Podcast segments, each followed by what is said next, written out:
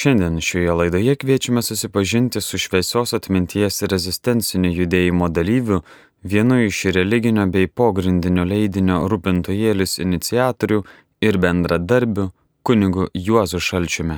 Skaito Remigijus Endriukaitis. Kunigas Juozas Šalčius. Juozas Šalčius gimė 1900 metais sausio 13 dieną Stanaičių kaime Garliavos parapijoje. Tėvai Pasiturintys ūkininkai, abu du pamaldus, blaivus, ypač šviesus buvo tėvas, apsiskaitęs, sveiko praktiško proto žmogus, palaikė artimus santykius su kunigais ir kitais apsišvietusiais žmonėmis, tad kaimynai visais reikalais kreipdavosi į jį patarimų. Juozukas pradžios mokyklą baigė Garliavoje, o vidurinį mokslą Kaune, prelato Konstantino Alšausko įsteigtos Saulės draugijos mokytojų kursuose ir gimnazijoje. Čia, kaip pasakoja jo bendramokslė mokytoja Barbara Keršulytė, Juozas pasižymėjo apsiskaitimu ir guviu protu. Kai mokytojai aiškindami naują dalyką užduodavo klasiai kokį klausimą, jauniausio klasėje spindinčių akių berniuko ranka visada būdavo pakelta. Atsakymą jis žinojo. Baigėsi didysis karas, prasidėjo lietuvių tautinis sąjūdis už nepriklausomybę. Juozas Šalčius buvo bebaigęs gimnaziją. Atgimimo idėjos buvo gyvos ir Saulės gimnazijoje. Jos direktorius Pranas Dovydaitis buvo Lietuvių tautos tarybos narys. O su kokiu dvasios pakelimu mes visą tai išgyvenome. Mes kasdien eidavome į gimnaziją marškinius persijose tautinėmis juostelėmis.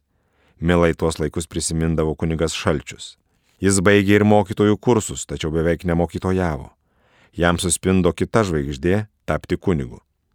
1919 metais jis įstojo į Seinų kunigų seminariją, tačiau netrukus Seinai buvo Lenkų okupuoti ir lietuviai klerikai ištremti į Lietuvą, susodinti į ilgus vežimus ir ginkluotų kareivių lydimi atvežti netoli Kalvarijos ir palikti. Porai metų seminarijai patalpos buvo naudojamos Zyplių dvare Lukščių parapijoje, o vėliau nupirktas Gižų dvaras, kur seminarija išbuvo penkerius metus Galiausiai pastatyti gražus erdvus rūmai Vilkaviškyje, bet klierikui šalčių juose mokytis jau neteko. 1924 m. spalio 26 d. Marijampolės bažnyčioje vyskupo Antano Karoso jis buvo išventintas kunigu. Pirmoji parapija Gražiškiai. Klebonas čia buvo kunigas Abramavičius, pagyvenęs ir lygotas, bet jis turėjo tėvišką širdį ir jaunam vikarui kunigui Šalčiui daug ką patardavo. Kuniga Šalčius čia ir visur kitur pirmiausiai rūpinosi žmonių švietimu ir telkimu į katalikiškas organizacijas. Jis pasirinko tokį šūkį - į kiekvieno kataliko namus bent vienas katalikiškas laikraštis. Žmonės skaityti spaudą dar buvo neįpratę. Be to, daugelis gyveno gana neturtingai, tad už prenumeratą iš savo kišenės nemažai per 400 litų teko pridėti pačiam vikarui. Kokia dalis parapiečių buvo suburta į katalikiškas organizacijas sunku pasakyti, o spaudos prenumeravimo srityje, kaip skelbė tuometinė Lietuvos spauda, gražiškiai laimėjo pirmąją vietą. Kuniga Šalčius greit suartėjo su žmonėmis, pastoracinis darbas sekėsi, tačiau neilgai čia teko išbūti, truputį daugiau nei metus. Antroji parapija - Kudirkos naumestis.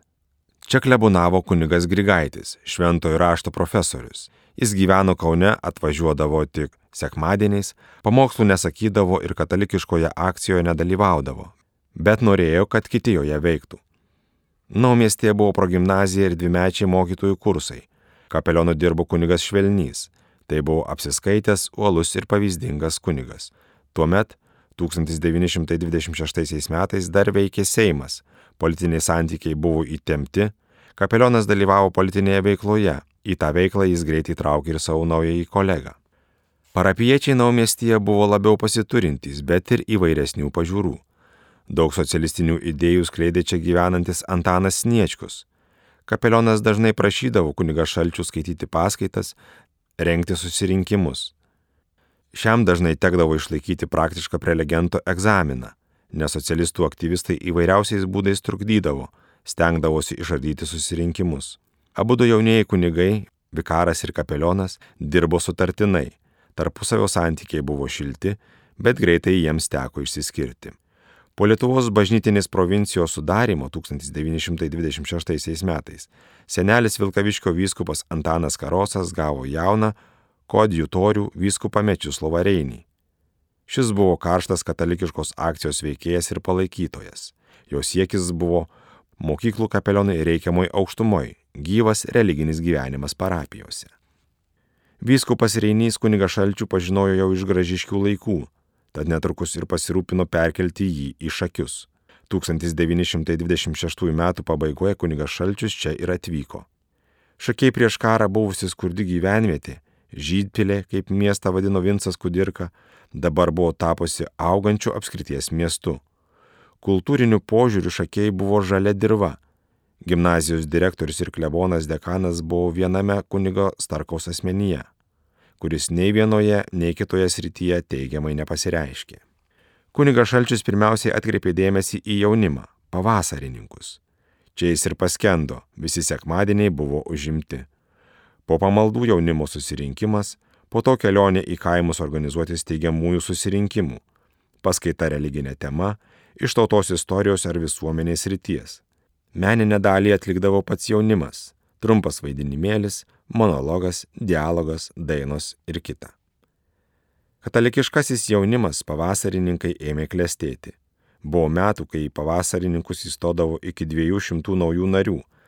Teko veikimą suskirstyti kopelėmis ir sekcijomis - eucharistininkų, spaudos platintojų, sporto ir kitų. Šiame darbe kunigui šalčiui talkino kai kurie mokytojai ir vargonininkas. Kunigo šalčiaus veiklos viršūnė šakiuose buvo 1930 metais surinktas Zanavykijos katalikiško jaunimo ateitininkų ir pavasarininkų kongresas. Buvo gerai paruošta dviejų dienų įvairi programa ir visa tai gerai išreklamuota. Kongrese dalyvavo apaštalų sosto nuncijus arkivyskupas Bartalonis, nunciatūros patarėjas monsinjoras Faidutis, vyskupas Mečislovas Reinys, vyskupas Justinas Taugaitis, profesoriai kunigas daktaras Pranas Kuraitis, Pranas Dovydaitis, Juozas Eretas ir daug kitų garbingų svečių. Kongresas padarė didelį efektą. Jis pakėlė jaunimo dvasę ir supažindino visuomenę su katalikiško jaunimo judėjimu. Kongresas buvo tarsi kunigo Šalčiaus ketverių metų veiklos šakiuose apvainikavimas. Po kongreso kunigas Šalčius to jau pat išvyko į Kauną tęsti jau pradėtų nekivaizdinių studijų Vytauto didžiojo universitete teisės fakultete. Dabar, kurios patartas, jis prie civilinės teisės prijungė ir bažnytinę kanonų teisę. 1930 m. rūpiučio 30 dienos švietimo ministerijos įsakymu uždrausta lietuvių moksleivių ateitininkų organizacija. Šis draudimas pažeidė Lietuvos vyriausybės ir Vatikano sudarytą konkordatą ir buvo labai žalingas katalikiškos inteligentijos ugdymui. Vyskupai pareiškė, kad draudimas yra neteisėtas ir kad jie, vyskupai, protestuoja, kviesdami protestuoti visus tikinčiuosius. Tarp episkopato ir vyriausybės prasidėjo kultūrinė kova. Universitete kunigas Šalčius tapo Vytauto didžiojo klubo narys, ateitininkas visuomenininkas. Jis netrukus buvo įtrauktas į plačią katalikiškos akcijos veiklą bei kovą dėl katalikiško jaunimo veikimo laisvės. Už tai kunigui šalčiai buvo iškeltos kelios baudžiamosios bylos, skirtos administracinės nuobaudos. Jis nubaustas už pasakytus pamokslus Prienų bažnyčioje, Jurbarke, Marijampolėje ir kitur. Byla už atsišaukimo į katalikišką visuomenę parengimą ir platinimą atsidūrė net kariuomenės teisme. Tačiau tame atsišaukime nebuvo rasta nieko antivalstybinio. Buvo gražu, kai advokatas Chronožickis, žydas, kreipėsi į teisėjus. Už ką ši byla? Už atsišaukimą, kuris prasideda žodžiais. Mes, katalikai, turime klausyti savo vyskupų. Nu, ar čia nusikaltimas? Vis dėlto teisėmieji, keturi kunigai ir aštuoni ateitininkai studentai buvo nubausti bent minimaliomis bausmėmis. Kunigui šalčiui bausmė buvo didžiausia - 2000 litų arba 3 mėnesiai kalėjimo. Labiausiai ant kunigo šalčiaus buvo pykstama už jo daromą poveikį jaunimui. Pavyzdžiui, už paskelbimą katalikiškame dienraštyje, kaip laikytis tardymo metu. Neduoti parodymų, sakyti, kad parodymus duos teisme ir panašiai.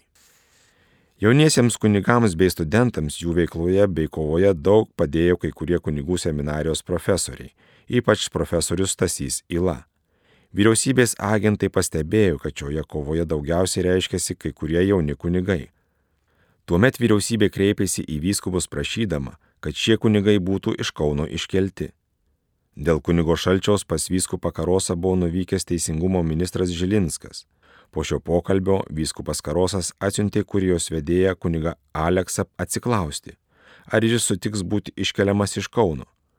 Kunigas Šalčius savo kunigiškame gyvenime laikėsi Kristaus kareivio principo, tad kurijos atstovui atsakė, kad to ir klausti nereikia.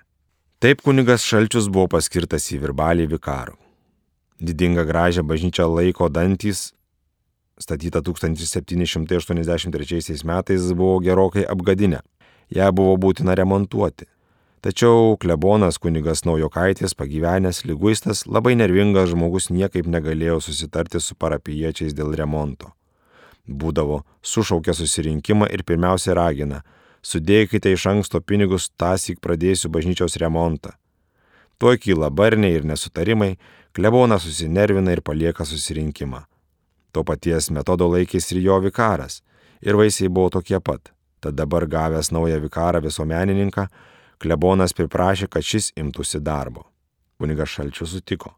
Pirmiausia, jis apsiklausinėjo, kurie čia žmonės veiklesni, kurie įtakingesni, kurie triukšmadariai ir išsiuntinėjo 50 žmonių kvietimus atvykti ir nuspręsti, imtis darbo ar ne. Atvyko beveik visi pakviestieji.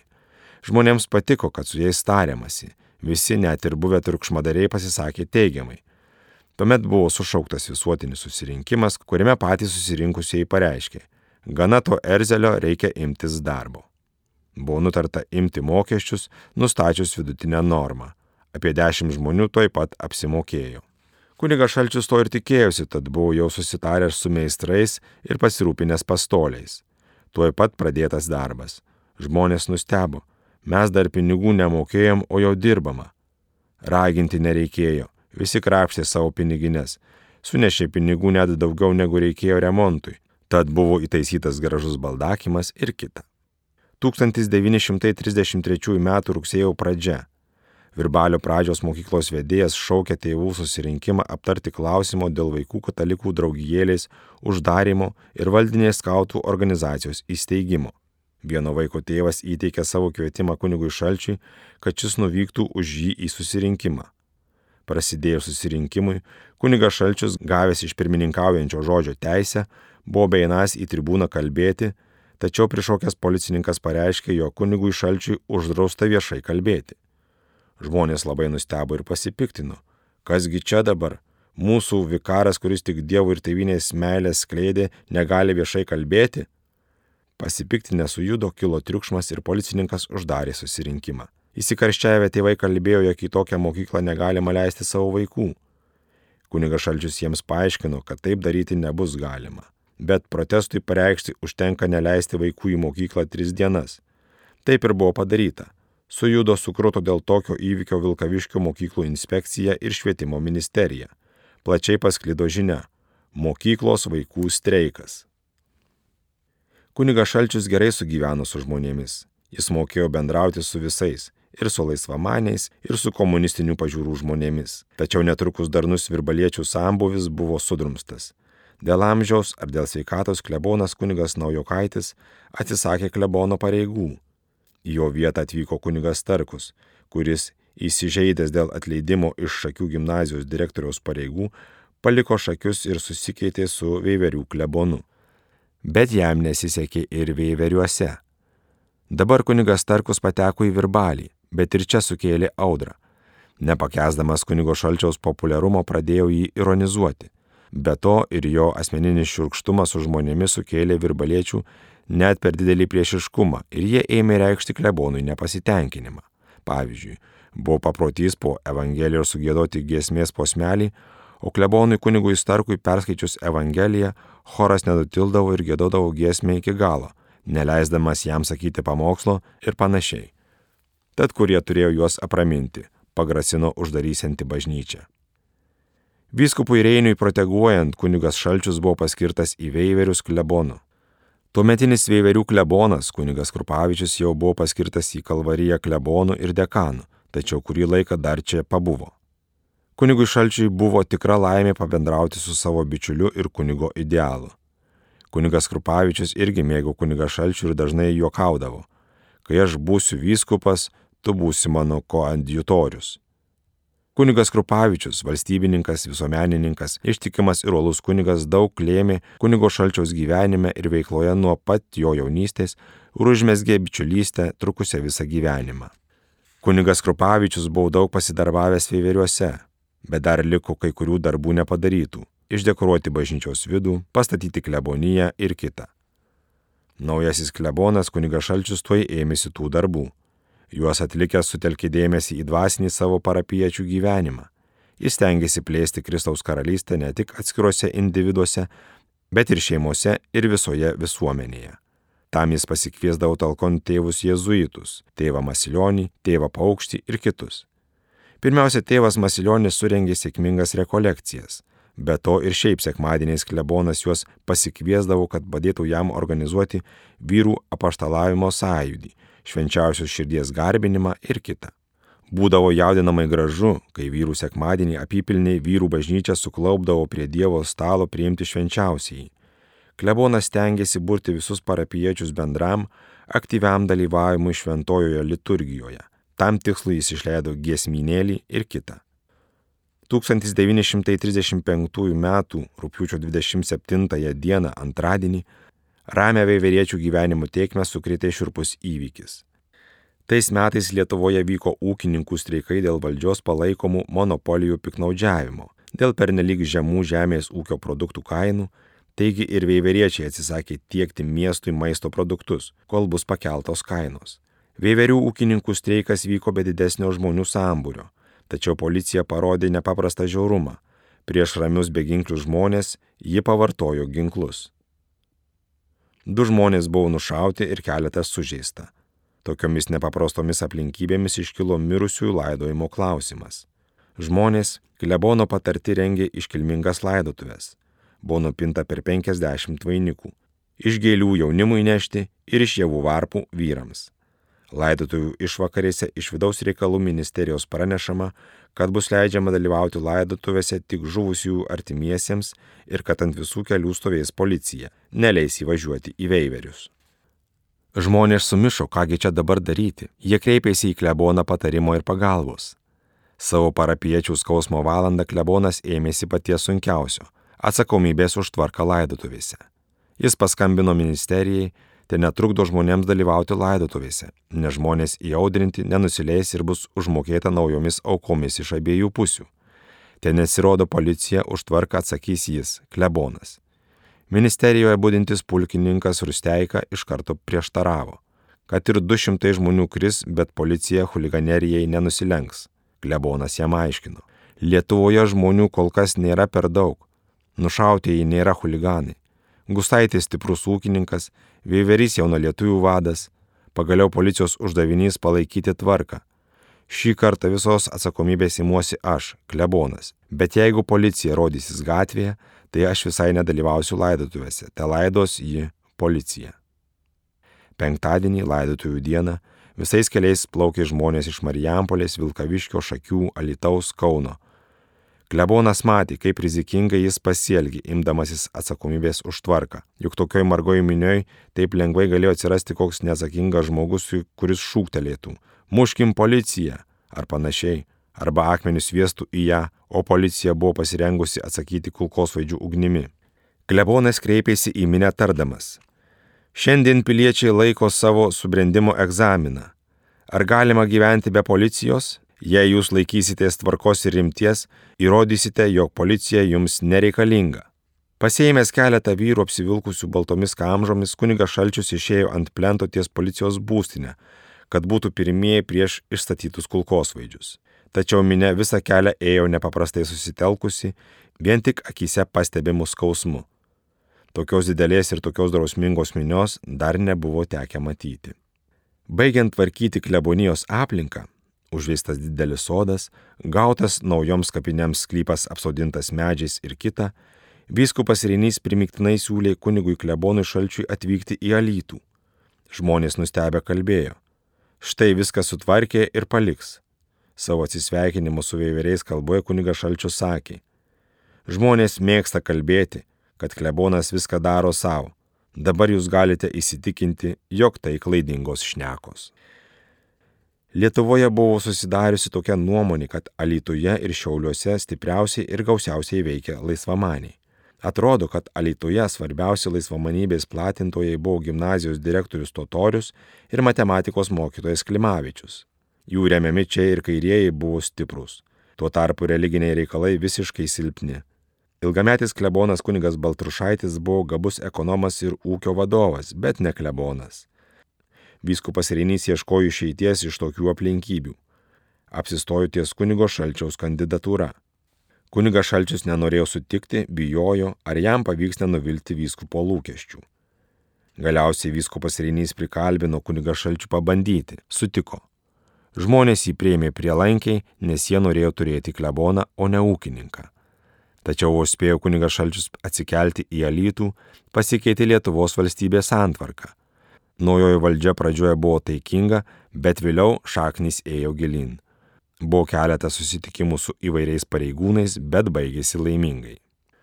1941 birželio 22 dienos ryto 5 val. prapliupo vokiečių bombos. Prasidėjo karas. Į pavakarę pasirodė vokiečių tankai ir kita karo technika bei kariuomenės daliniai. Kadangi buvo manoma, jog karas dienų klausimas, klebonas porai dienų išvyko į Birštoną. Bet karas užsitęsė. Alitus buvo smarkiai subombarduotas visur degėsiai ir griuvėsiai. Sudegė klebonija ir visi parapijos namai. Bažnyčia Zakristijono Jono Venterio dėka išliko nesudegusi. Tad pirmiausia buvo pastatyta klebonija su ūkiniu pastatu išdažytas bažnyčios vidus ir prie bažnyčios pristatyta didelė zakristija, kur buvo įrengta didžiulė, apšildoma naujai įsigytų knygų biblioteka. Po karo ketinta pradėti statyti naują bažnyčią. Mieste buvo daug sugriautų namų, akmenų, betono. Tinkama statybai medžiaga - 80 tūkstančių plytų, nupirkta ir pradėta gabenti į klebonijos kiemą. Pamaldų lankomumas buvo menkas nuo prieškarinių laikų. Klebonas kunigas Šalčius rūpinosi, kaip suaktyvinti parapijos religinį gyvenimą. Bartis jis nemėgino, tik po pamokslo su bažnyčios lankytojais sukalbėdavo tris sveika Marija už neinančius į bažnyčią. Taip daryti įpareigojo ir vikarus mokykloje su vaikučiais ir kalėdojant. Parapiečiai išsijudino, nors ne taip greit. Bažnyčioje įtaisyta Švento Juozapo statula ir išrūpinti atlaidai. 1944 Karas prie Lietuvos pradėjo artėti visų greičių.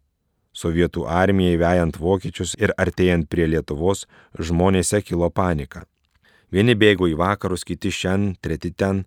Klebonas kunigas Šalčius nors jautė, kad jam pasilikti yra pavojingiau nei daugeliu kitų, be to išvykti turėjo protekciją, jam buvo pažadėta globa generolo Justo dvare Austrijoje. Bėgti nesusigundė. Jam buvo nejauku. Ganytojas palieka avis ir bėga. Pasiliko, nors patyrė daug bėdų. Gyventojus iš Alitaus evakavo, reikėjo viską palikti. Tuo tarpu kiti brovėsi į evakuotų būtus, viską plėšė, vogė. Klebonas kunigas Šalčius su vikaru kunigu Šliumpa pasitraukė į Balbieriškį. Kovos ties Alitumi užsitęsė. Buvo patarta į Alitų nebegrįžti. Reikėjo ieškoti kur, prie kokios bažnyčios apsistoti. Pradžioje važiavo vežimu, bet kareiviai arklį atėmė, toliau teko keliauti dviračiu. Nuvyko kunigas Šalčius į Kaišėdoris pas vyskupą Teofilių Matulionį. Šis buvo tik ką grįžęs iš vyskupų konferencijos Ukmergėje, kuri ten buvo surinkta vyskupo Reinio iniciatyva padėčiai aptarti. Vyskupas Matulionis šiltai sutiko kuniga Šalčių ir buvo patenkintas, kad jis nesitraukė iš Lietuvos ir kad sutiko aptarnauti kruonio tikinčiuosius, kurių klebonas buvo pasitraukęs. Kurį laiką pabuvęs kruonyje kunigas Šalčius dviem trims mėnesiams išvyko į Sasnavą. Vėliau į Višakio rūdą, kur buvo pasilikęs senelis kanauninkas Budzeika. Po to dar vienur kitur apsistojo Kauno viskupijoje, vėliau Joniškio parapijoje, Kaišėdurių viskupijoje. Bet neilgam. Lietuvoje prasidėjo partizaninis judėjimas, miškuose žaliukai, kaimuose kolektivizacija. Kunigo autoriteto įtaka buvo stipri Norėta, kad kunigas Šalčius pritartų kolektivizacijai. Neatsiūlyta jam nuvykti į Baltarusiją pasižiūrėti, kaip ten tvarkomasi. Bet kunigas Šalčius atsisakė motivuodamas tuo, kad jis, nors ūkininko sūnus, bet žemės ūkių nesidomi.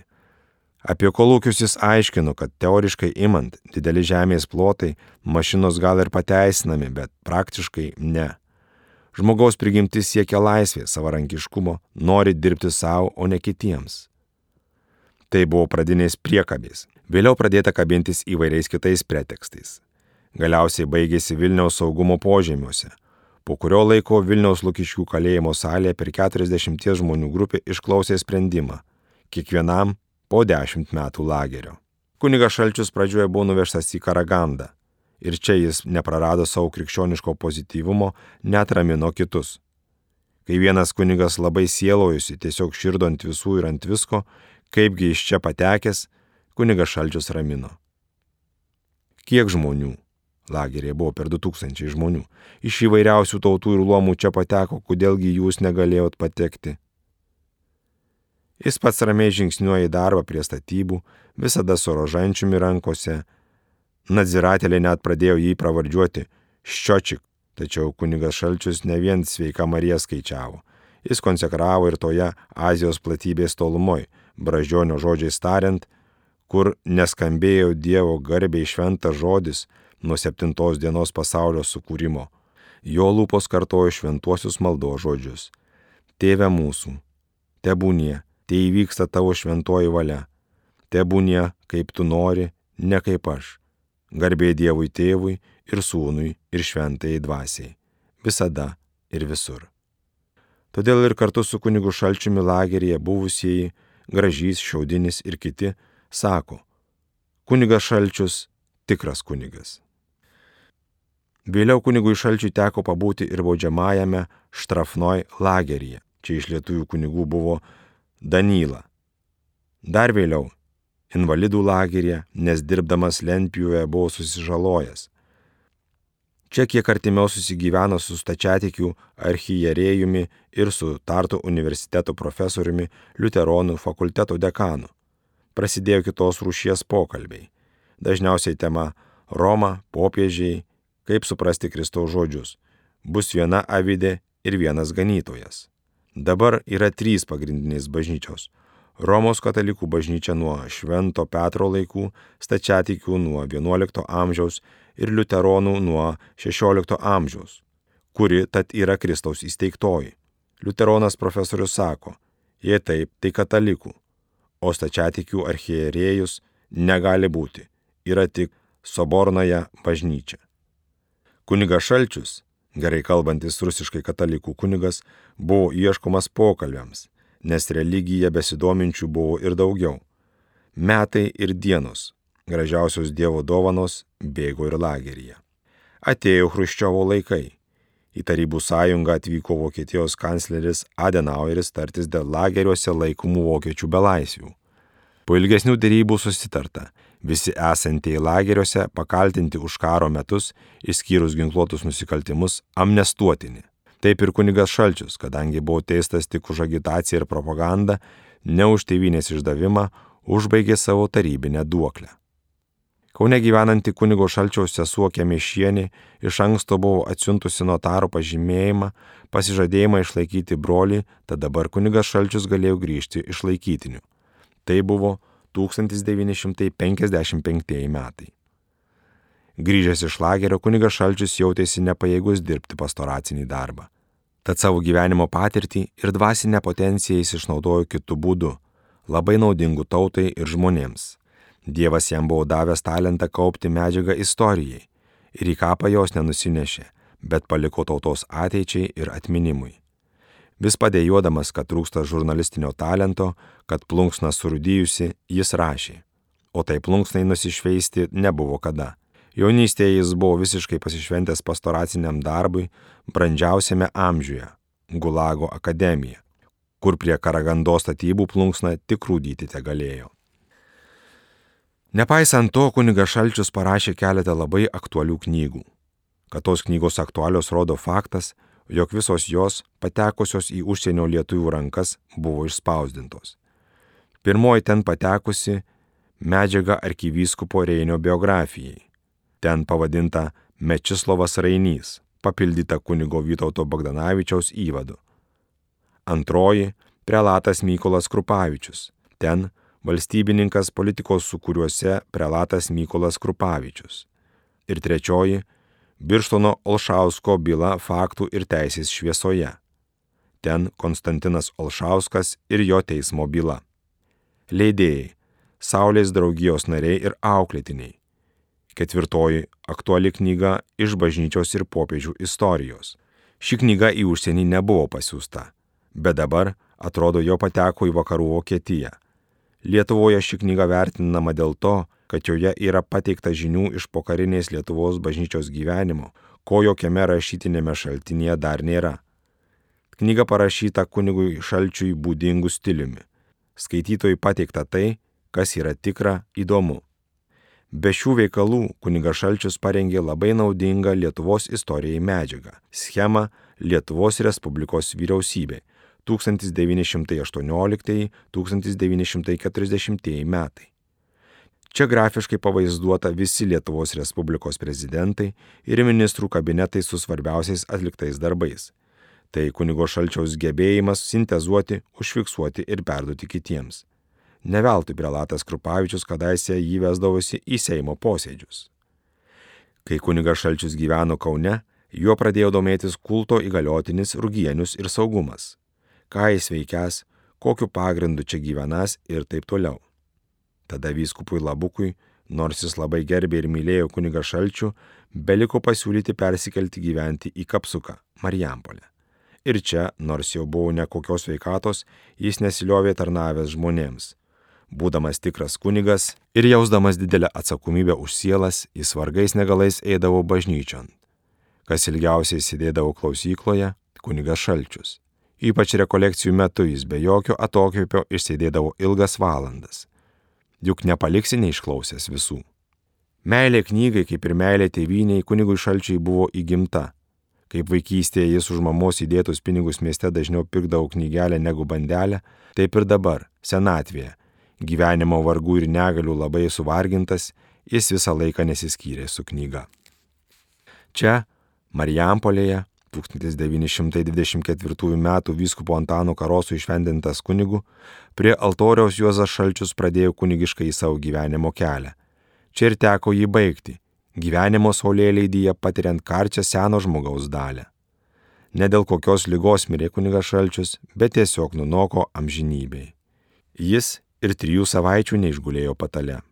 Trejata dienų prieš mirtį atvykusi iš Kauno jo aplankyti viena pažįstama, matydama, kad jis toks bejėgis guli lovoje, sako, tėveli, man atrodo, kad Jėzus yra netoli jūsų ir jūs kviečia. Ateik, ištikimasis tarne, kadangi tu tenkinais mažu, aš tau atlyginsiu didžiu. Jis labai nušvitusiu veidu linktelėjo. Taip. 1988 m. rugsėjo 25 d. labai ankstų sekmadienio rytą, eidamas 88 metus, kunigas Juozas Šalčius užgeso šiai žemiai. Rūpintojėlio krikštatėvio ir didžiojo globotojo netekus. 1988 m. rugsėjo 25 d. sekmadienį, vos rytui brėkštant mirė jubiliatas kunigas Juozas Šalčius. Vėlionis buvo gimęs 1900 metų sausio 13 dieną.